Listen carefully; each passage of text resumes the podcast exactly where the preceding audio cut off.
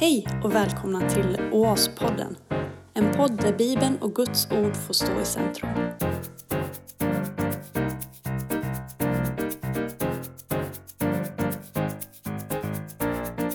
Säg en av dem som Jesus uppväckte från de döda. Mm. Lazarus var det någon som sa. Vi tar det. Nu så ska vi börja med det där hemska att vi ska prata med varandra med en gång. Ja.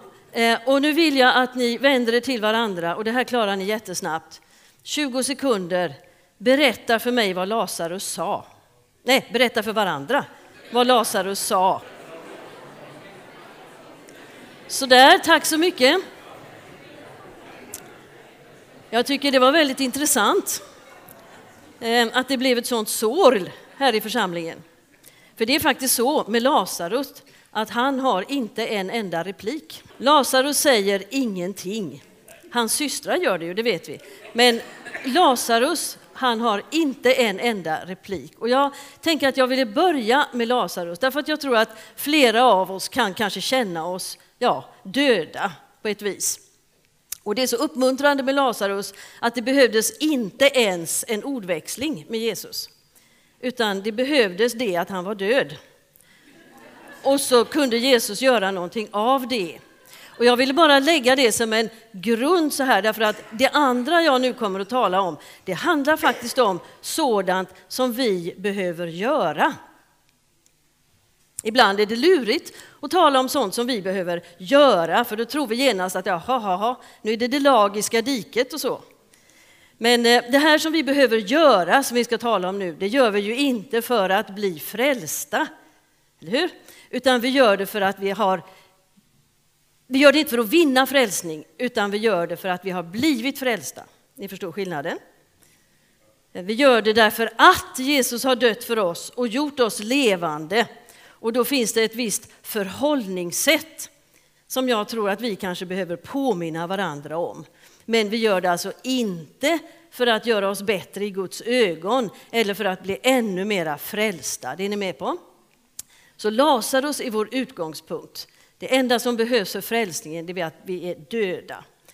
Men nu så ska vi tala om sådant vi faktiskt också behöver göra som levande kristna. Och då är det det här bibelordet ur Filipperbrevet. Jag tror att ni alla är väl bekanta med det.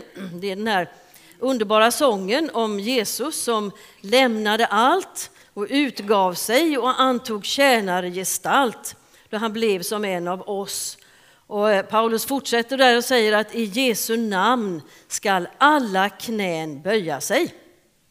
Deras som är i himmelen och på jorden och under jorden. Och eh, när jag har förberett det här så har det, eh, det har pockat på för mig ganska mycket om det här med att böja våra knän. Så det kommer att handla om det. Det kommer att handla om tre punkter kan man säga. Om att böja våra knän, alltså inte vårt hjärtas knä, utan våra konkreta knän, de här som vi har här strax ovanför fötterna någonstans. De är det. Eh, och vi kommer också att få en praktisk övning. Ni kan sitta och bli lite skärrade redan nu för det. På slutet av det här föredraget så ska vi träna på det. Frivilligt såklart. Om att böja våra knän. Och för vem böjer man sina knän och vilken effekt får det? Vilket resultat får det med människor som böjer sina knän? Eh, det som kan vara bra när man går till ett bibelbrev eller en bibelbok så här, det är ju att först fundera över eh, till vilka skrevs det här brevet? Men det är också väldigt intressant att fundera över varifrån skrevs det? Alltså till vilka skrevs det? Men också varifrån skrevs det? Hurdan var situationen när Paulus satt där och skrev? Jo, då vet man att det här Filipperbrevet, det som kallas glädjens brev, det skrevs av Paulus när han satt i fängelse i Rom år 61. Det skrevs till församlingen i Filippi som var en central stad på den tiden, numera en ruinhög. Den låg i, i eh, nordöstra Grekland. Det var en garnisonstad, en romersk koloni. Det var en stad dit pensionerade romerska soldater gärna flyttade med sina familjer och slog sig ner. Det var en stad som i mångt och mycket nästan kunde kallas för Lilla Rom. En stad som ville likna Rom. Ehm, det fanns en kristen församling i Filippi och den hade Paulus själv grundat. Det gjorde han år 52. Man kan läsa om det i Apostlagärningarna 16 kapitel. Det är en väldigt, eh, en väldigt fascinerande skildring av när Paulus grundade den församlingen. Eh, först så står det inledningsvis att vi kom till Filippi och där stannade vi några dagar. Punkt. Det är ungefär så som vi skriver på ett vykort när vi skickar det. Att vi var i Filippi, ja där sken solen och, och där var vi ett par dagar. Det är liksom hans summering av händelserna i det 16 kapitlet. Och sen så kommer hela den här dramatiska berättelsen. Först om purpurkrämerskan Lydia, när de kom in i hennes hem, och sen om hur de hamnade i fängelse. För det var i Filippi. Men, men Paulus beskriver det inledningsvis som att ja, där stannade vi några dagar. Ja, eh, så var det i Filippi. Och då var det så här, det som är viktigt för oss det är att i Rom så dyrkade man kejsaren. Det vet ni. Och eh, det var så att det var livsfarligt för de kristna under flera århundraden att inte dyrka kejsaren. Och ni vet att det var ju det som gjorde att många, många kristna under den första kyrkans tid hamnade i fängelser. Egentligen så var det så lurigt därför att det de fick som, som villkor det var det här att, ja men, var inte så krånglig. Lägg nu här bara ett par rökelsekorn på kejsarens altare. Det är väl inte så märkvärdigt. Sen kan ni fortsätta att dyrka er Jesus så, mycket ni vill. Men bara ett par rökelsekorn på kejsarens altare. Man kan tycka att det var väl en, en struntsak. Klart att de kunde göra, tycker vi. För den goda sakens skull. Eller hur? Ja. Nu gjorde de inte det, utan de valde istället att gå i döden för Jesus skull. Kejsarkulten fanns i Rom. Och då var det också så här att för de som flyttade till Filippi, de här soldaterna som var pensionerade, de ville ju fortsätta att dyrka kejsaren. De ville att Rom skulle, eller Filippi skulle vara som Rom. Och därför så var det så här att Paulus, han skrev sitt brev från en stad där man dyrkade kejsaren och skulle falla på knä för kejsaren. Han skrev det till en stad där man ville dyrka kejsaren och ville falla på knä för kejsaren. Att inte göra det var förenat med livsfara. Och då ska vi veta att det är in i den miljön som han skickar sitt brev. Och det är den miljön som han skriver i Jesu namn. Ska alla knän böja sig. Deras som är i himmelen och på jorden och under jorden. Och då förstår vi lite mer kanske Eh, det radikala i det här med att, att trumpeta ut som han gör, att i Jesu namn ska alla knän böja sig. Nu kan vi fundera. Det här med att böja knä, vad tänker du om det? Det är ju så här att vi har ju vissa platser där det liksom är vedertaget att man ska böja knä. Till exempel om man kommer hit fram till altarringen, då är det ju jätteokej att böja knä. Eller om man tar de där kuddarna som finns där nere och lägger på golvet och faller på knä, ja, men det är väl också helt accepterat. Vi har vissa ställen där det går an att falla på knä. Men eh, så är det också utmanande, tror jag, för oss att tänka på hur skulle det vara att bli människor? Det kanske du redan är, det vet jag inte, men jag behöver höra det. Hur skulle det vara att bli människor som är beredda att falla på sina knän där det inte finns knäfall och där det inte finns mjuka kuddar? Nu vet jag att en del har skröpliga knän här, så det är ingen, det är ingen liksom piskrapp på er, utan det är ett ett resonemang här nu som är viktigt för oss att få fatt på. Hur skulle det vara att börja tänka på att falla på knä där man inte har knäfall eller där inte situationen är sådan att det ger sig så lätt? Ska vi fundera över tillsammans, om ni vänder er till varandra, vad, vad står det för egentligen när man faller på knä för någonting? Vad är det man gör då? Vänd er till varann Ni får eh, 30 sekunder på er. Vad gör man när man faller på knä? Vad är det för signal man sänder? Ja, tack så mycket. Det här är ingen kuggfråga eller konstig fråga, det är bara en alldeles vanlig fråga. Vad, vad gör man när man faller på knä? Vad är det för signaler vi sänder då? Om man nu, en gång till. Ödmjukhet, ja. Underordna sig. Underkastelse. Ja. Ja, vördnad, ja. Vördnad. Ja, det är ett ord som ni märker som rymmer många associationer, som sänder många signaler till oss. Ehm, jag vill dela med er, dela med er tre stycken exempel innan vi går in i bibeltexterna. Tre exempel på ehm, situationer där knäfall har betytt mycket. Och den första den var jag med om här på Å, nästan på Hedenöhös tid som det känns. Det var i min ungdom och då jag hade glädjen att arbeta här tillsammans med Bengt, bland annat. Jag eh, tänker på det här som sägs om, om Baloo, är det väl i Djungelboken, att han har lärt mig allt jag kan. Ja, men det hade inte med Bengt att göra detta, utan det var så här att när jag var ung här, kanske 17 år eller så, så fanns där en gammal kvinna som var gäst på Å. Hon är död sedan väldigt många år. Eh, och vem hon är spelar inte er någon roll. Men vid ett tillfälle så var det så att hon kom och bad att få ett samtal med mig. Vilket bara det var anmärkningsvärt, tycker jag, att hon gjorde. Och säkert kanske i 80-årsåldern då. Och vi talade med varandra. Och vi satt inte i kyrkan och vi satt inte i något speciellt märkvärdigt rum, utan vi var på ett kontor. Eh, och när vi hade talat färdigt så ville hon att vi skulle be tillsammans. Och då hände det där som jag, när jag blundar och tänker på den här situationen, så kan jag återkalla för mitt sinne exakt hur det var och precis hur det kändes. För det som hände var att denna gamla dam föll på sina knän. Och där fanns inget knäfall. Och det fanns ingen kudde och det fanns inte ens en matta på golvet. Men det fanns ett ödmjukt hjärta, förstår ni? Och hon föll på knä och för mig så ung jag var så hade jag helt klart för mig att hon faller inte på knä för mig. Utan jag tror att vi båda förnam att här är någonting större. Här kommer någonting in i det här rummet som är större än oss båda.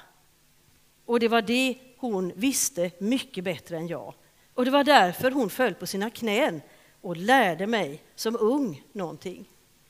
Och jag har ofta tänkt på det där, hur vi med yttre beteenden sänder viktiga budskap. Tror ni inte att det kan vara så? Yttre beteenden sänder viktiga budskap. Eh, det finns ett, ett, eh, ställe som jag tycker är så fint i det här sammanhanget, det är Andra Moseboken. Det är det tredje, 33 kapitlet.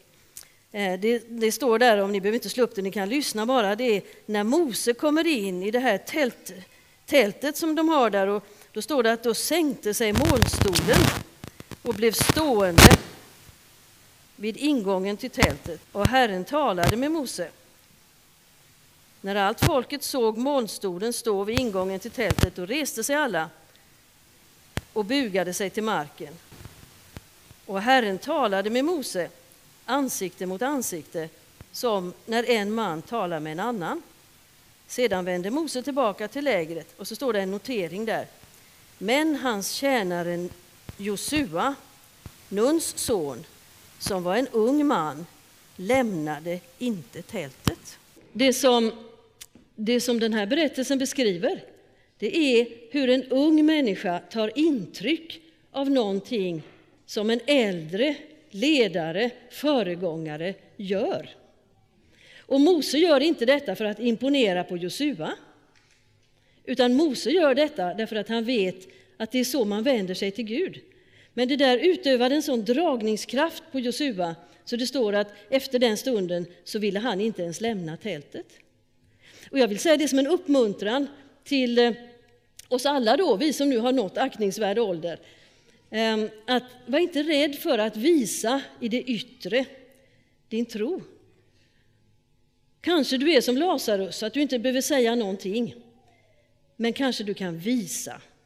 Och det här med att falla på knä, det sänder en signal, eller hur? Sänder en signal. Eh, det andra exemplet det utspann sig för cirka tio år sedan när Hans och jag började vår gemensamma tjänst som inspiratörer för oasrörelsen. Då blev vi kallade till en plats på Gotland som heter eh, Visby. Och då bodde vi på en, eh, ett, ett konferensställe, pensionat kanske. Det hette Fridhem och det heter det fortfarande.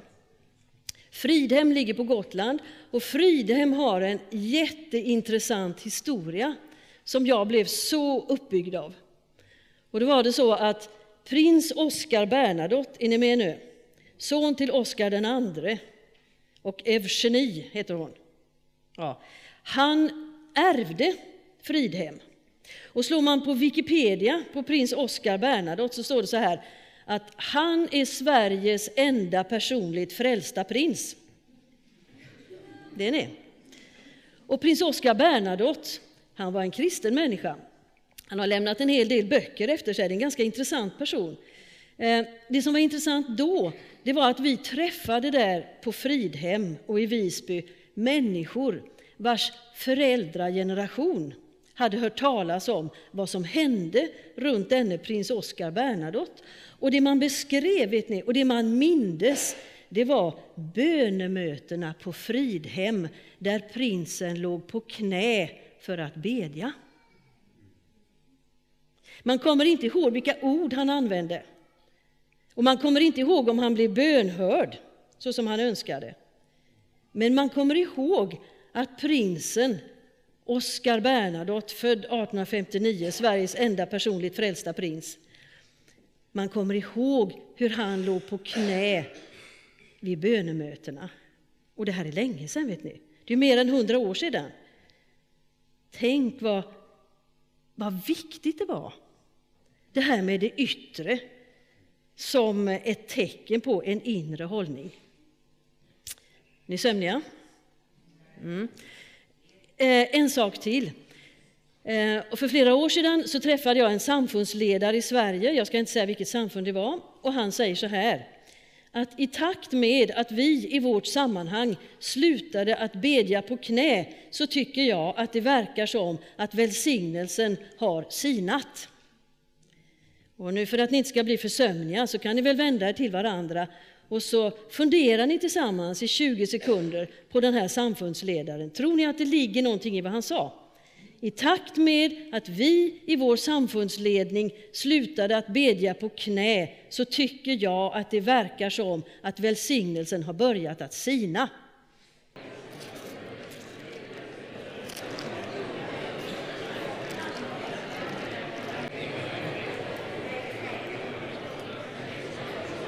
Tack så mycket. Nu är det ju så här att det är inte bara på Andra Mosebokens tid och inte bara på 1800-talet på Gotland eller för länge sedan i en samfundsledning som människor faller på knä utan mitt eh, kanske mäktigaste minne och synintryck av det här i nutid det är Jesusmanifestationen. manifestationen Eh, och då, vi som har förmånen att få vara på, på scenen där, eh, får alltså den, eh, jag vet inte vad jag ska använda för ord, alltså nådefulla möjligheten att titta ut över det tillfälle när 20 000 människor ungefär böjer knä i Kungsträdgården.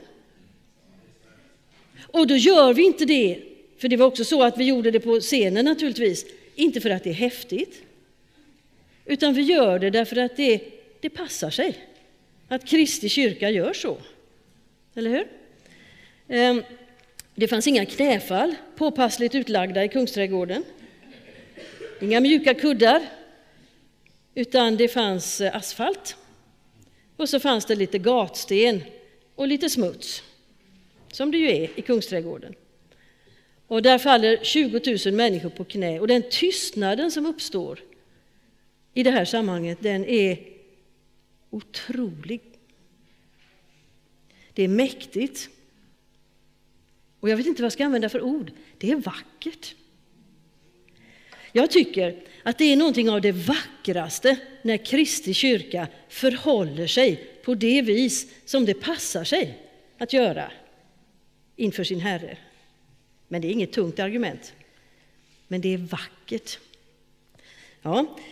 Eh, på våran köksvägg hemma hos oss så finns där ett talesätt som står så här, och, vi har haft det i många år uppsatt där, och där står det så här, man ser längre på knä än på tå.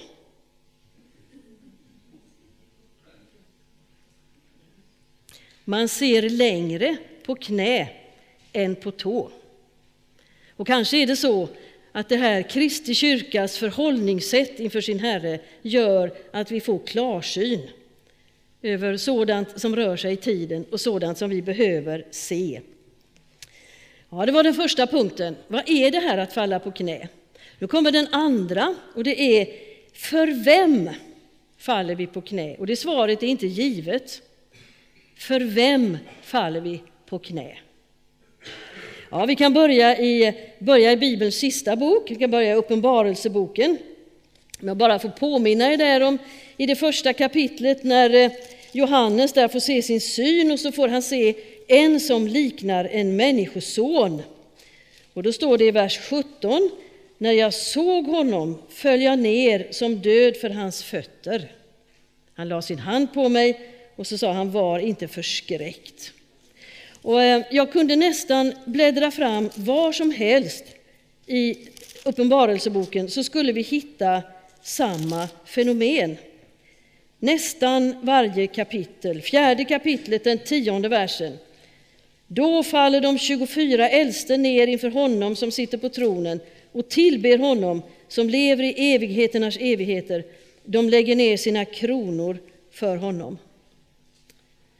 Och eh, i det femte kapitlet, bara för att ta ett exempel till, där står det i vers 12 Lammet som blev slaktat är värdigt att ta emot makten och rikedomen och visheten och kraften och äran och härligheten och tacksägelsen och allt skapat i himmelen och på jorden och under jorden.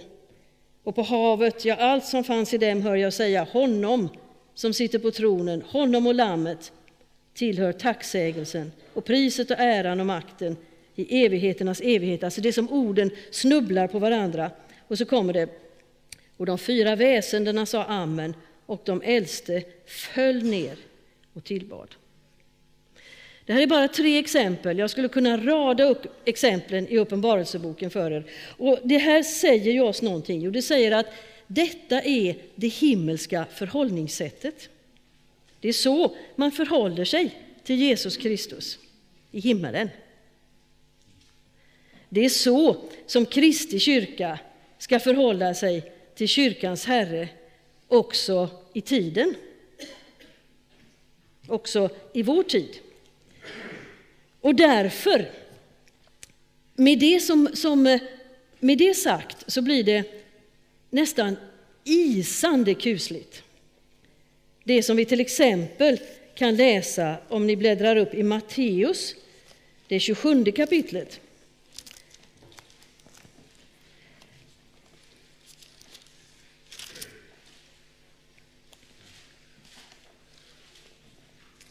Matteus 27 kapitel.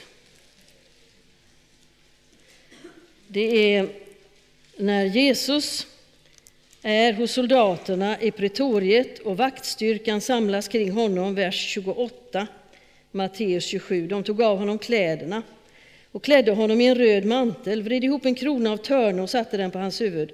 Och i hans högra hand satte de en käpp. Sen står det, sedan böjde de knä inför honom. Hörde ni? Sedan böjde de knä inför honom. Vilken kontrast! Och vilken isande kyla det sprider sig från den versen. Och vilken kolossal kärlek det sprider sig från den versen. För tänk att honom, han som liknade en människoson, han lät detta ske. Han tillät det. Han kunde ju i den stunden när som helst ha bara knäppt med fingrarna och raderat ut mänskligheten, men han lät det ske. Därför att det skulle vara så. Han tillät dem att böja knä på det viset. Nu ska vi gå till en berättelse i Gamla testamentet. som jag tror är viktig för oss när det gäller det här med att böja knä. Vem böjer vi våra knän för? Eh, och vi ska stanna lite grann vid den, inte så hemskt länge. Och det är Danielsboken och det är det tredje kapitlet. Det får ni gärna bläddra fram. om Ni vill det? Danielsbokens tredje kapitel. Det är en berättelse som jag tror att de flesta av er är bekant med sedan många läsningar. Och det är ju den historien om Nebukadnessar i Babylon som på Duraslätten lät sätta upp sin 30 meter höga staty. Hur högt är kyrktornet, Bengt? 40 meter kanske? Jag vet inte. Ungefär så som tornet här. 30 meter hög staty av guld. Och så kallar han samman massor med dignitärer i landet. Det som är intressant med kallelsen, när de får det på det här linnepressade brevet, så står det faktiskt inte allt vad som kommer att hända. Det står att de är kallade till en invigning av den statyn som Nebukadnessar hade låtit ställa upp i vers 2. Och då kommer alla. Jag kan tänka mig att många känner sig lite smickrade. Lite speciellt ändå att få den här inbjudan, få vara med vid det här tillfället. Och då samlas de, satraperna och landshövdingar och ståthållare och fogdar och skattmästare och domare och lagtolkare och alla andra makthavare i hövdingdömet till invigningen av den staty som kung Nebukadnessar hade låtit ställa upp. Och så står det så här, lägg märke till det. När det stod framför den, men inte innan. När det stod framför statyn, då, men inte innan. Då utropade en härold med hög röst. Detta är befallningen till er, ni folk och stammar och tungomål. När ni hör ljudet av horn, pipor, sittror, lyror, saltare, säckpipor och alla andra slags instrument, då ska ni falla ner och tillbe den staty av guld som kung Nebukadnessar hade låtit ställa upp. Vilken chock! Det visste de inte. Det fick de inte veta förrän de stod i situationen och jag tror att just det säger någonting till oss. De utmaningar till eh, trohet eller de frestelser till kompromiss är inte alltid sådana att vi kan skriva in dem i almanackan innan de kommer.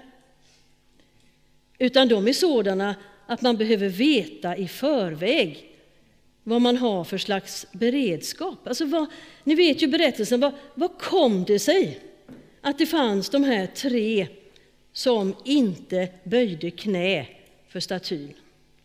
Och i vilken kategori skulle jag och du befinna oss?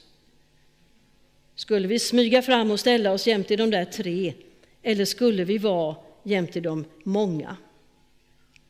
Hur kom det sig att de tre hade kurage nog att stå när alla andra böjde knä? Tror ni att eh, de kände sig modiga? Tror inte jag. Tror ni att de slog sig för bröstet och tyckte att nu här har ni verkligen de tre?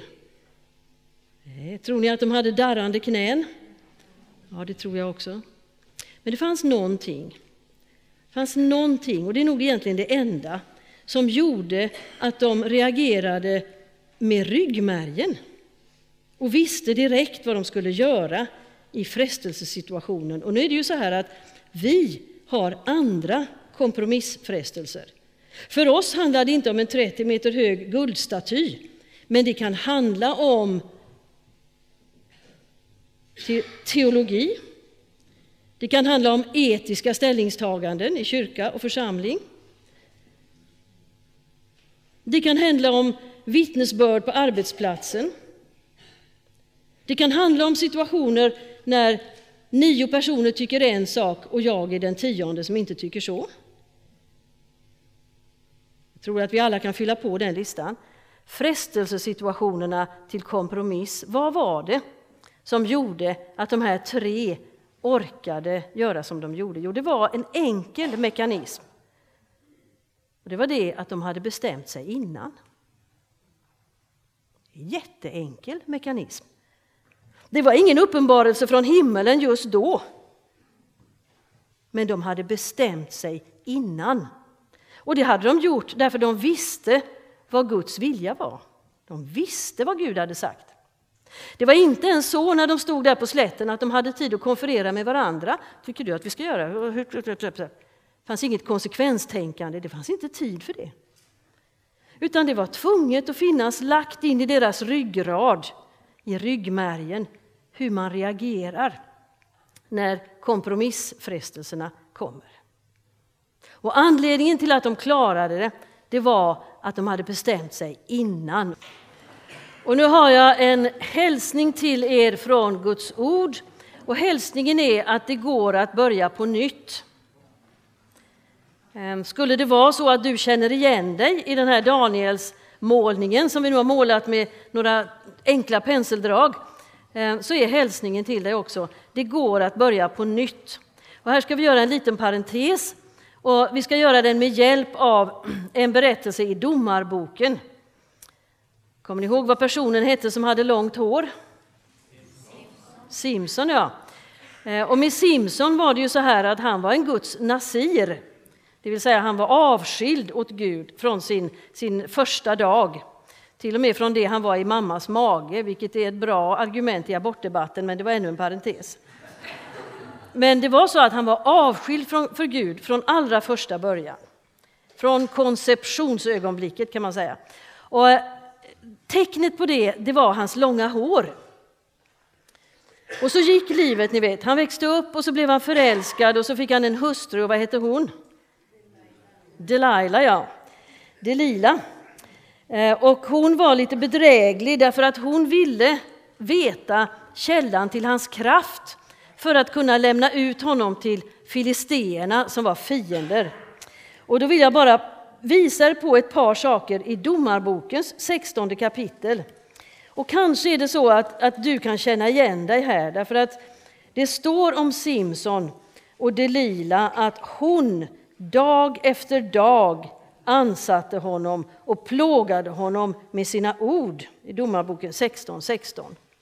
Och nu menar inte jag att du har en hustru eller make som dag efter dag gör på det här viset, utan jag menar att du kan befinna dig i en situation när eh, frestelsen till kompromiss, frestelsen till eftergivenhet kan pocka på dag efter dag, dag efter dag. Och eh, det plågade honom, står det. Och till sist så blev han så otålig att han kunde dö och då i vers 17 så står det någonting eh, både hemskt och betecknande. Det står att han öppnade hela sitt hjärta för henne. Det skulle han aldrig ha gjort. Hans hjärta tillhörde Gud. Men dag efter dag efter dag efter dag befann han sig i den här tryckande, frestande, påfrestande situationen. Och till slut gav han upp. Han orkade inte. Och så gav han hela sitt hjärta. Eh, och I det uttrycket tror jag ni också känner ligger det väldigt mycket mer än det att han gav sitt hjärta åt det lila. Han öppnade sig på ett sätt för ett sammanhang som han inte borde ha gjort. Jag vet inte om du är här som känner att ja, men det här stämmer på mig, i mitt sammanhang, i min församling, i mitt arbetslag, i min kyrka. Dag efter dag efter dag efter dag. Och till slut så orkar man inte. Till slut öppnar man sig och öppnar hela hjärtat. Och så berättar han för Delila om hur han är en Guds nasir. Och om man rakar av mig håret, där är min styrka, så förlorar jag styrkan. Och då står det så kusligt i vers eh, 19 på slutet. Då står det så här. Då började hon få makt över honom och hans styrka vek ifrån honom. Och känn på den formuleringen. Det står inte på stört fick hon makt över honom. Nej, det står det där successiva, ni vet. Då började hon få makt över honom. Kan ni känna det? Och i takt med att hon började få makt över honom så vek hans styrka ifrån honom. Och jag tror vi kan känna igen det. Hur lätt det blir så att man börjar ge efter. Man skjuter lite grann på den där tröskeln på den här normen, på det man egentligen vet är det riktiga. För det går ju inte att tycka så idag, eller hur? Och så, och så justerar man för den goda sakens skull. Och så börjar man. Hon börjar få makt över honom och hans styrka viker. Och så kommer filisterna och han tror att han har styrka kvar. Men det har han inte, för håret är borta. Och de sticker ut ögonen på honom, det är väldigt hemskt. Och så sätter de honom i fängelse. Jag vet inte om du har besökt det fängelset någon gång? Det står i eh, den 21 versen där att han blev satt att mala i fängelset. Kan du känna det ordet?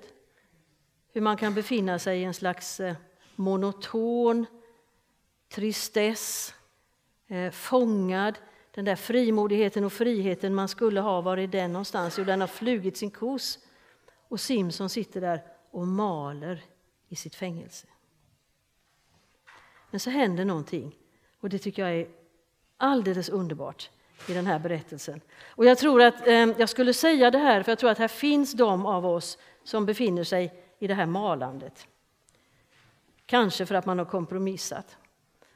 Och då är det så, vet ni, att då står det i vers 22 Men hans huvudhår började åter växa ut. Yes. Visst är det härligt? Nu handlar det inte om yttre huvudhår för oss på det viset. Men det handlar om, det förstår vi, att det är möjligt att börja på nytt. Det är möjligt att få tillbaka den där skärpan, den där styrkan som man förlorade när man någonstans på vägen kompromissade bort den. Det är möjligt att få den tillbaka.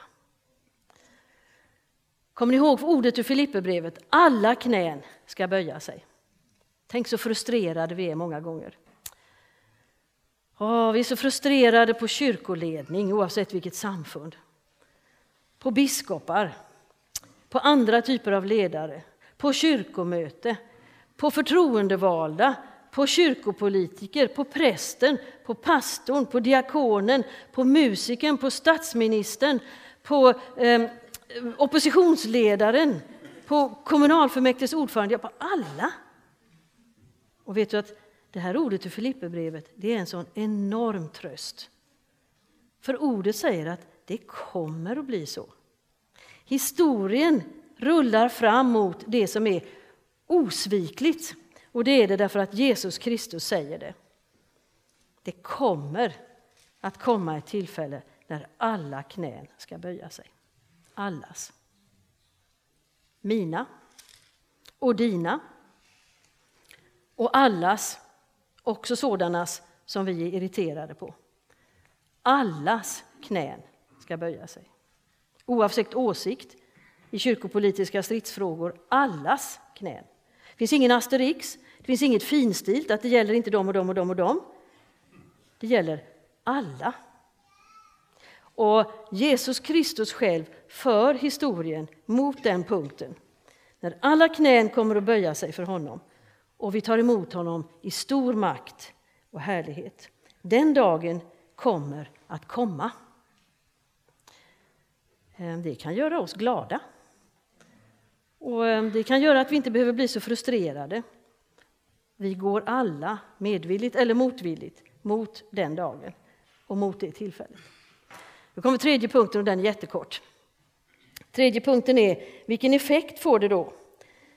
Den som böjer sina knän.